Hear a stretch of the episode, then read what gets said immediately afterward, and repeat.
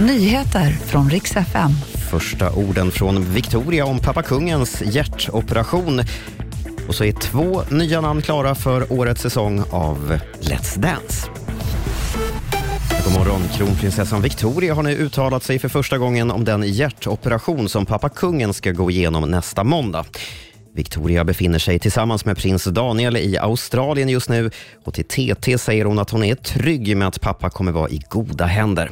Kungen ska operera sig med titthålsteknik i hjärtområdet men exakt vad för operation som ska göras det håller kungahuset hemligt av respekt för hans personliga integritet. Så ska jag berätta att dödssiffran fortsätter stiga i jordbävningskatastrofen i Turkiet och Syrien där 41 000 personer nu har bekräftats omkomna.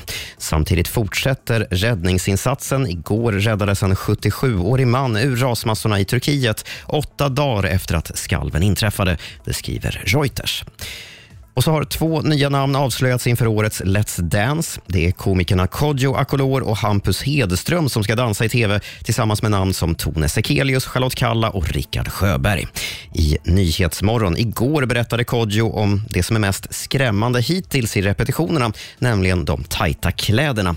Ibland måste man ha danssuspensoar, säger Kodjo, för den åker lite dit den vill. Det var de senaste nyheterna och jag heter Robin Kalmegård.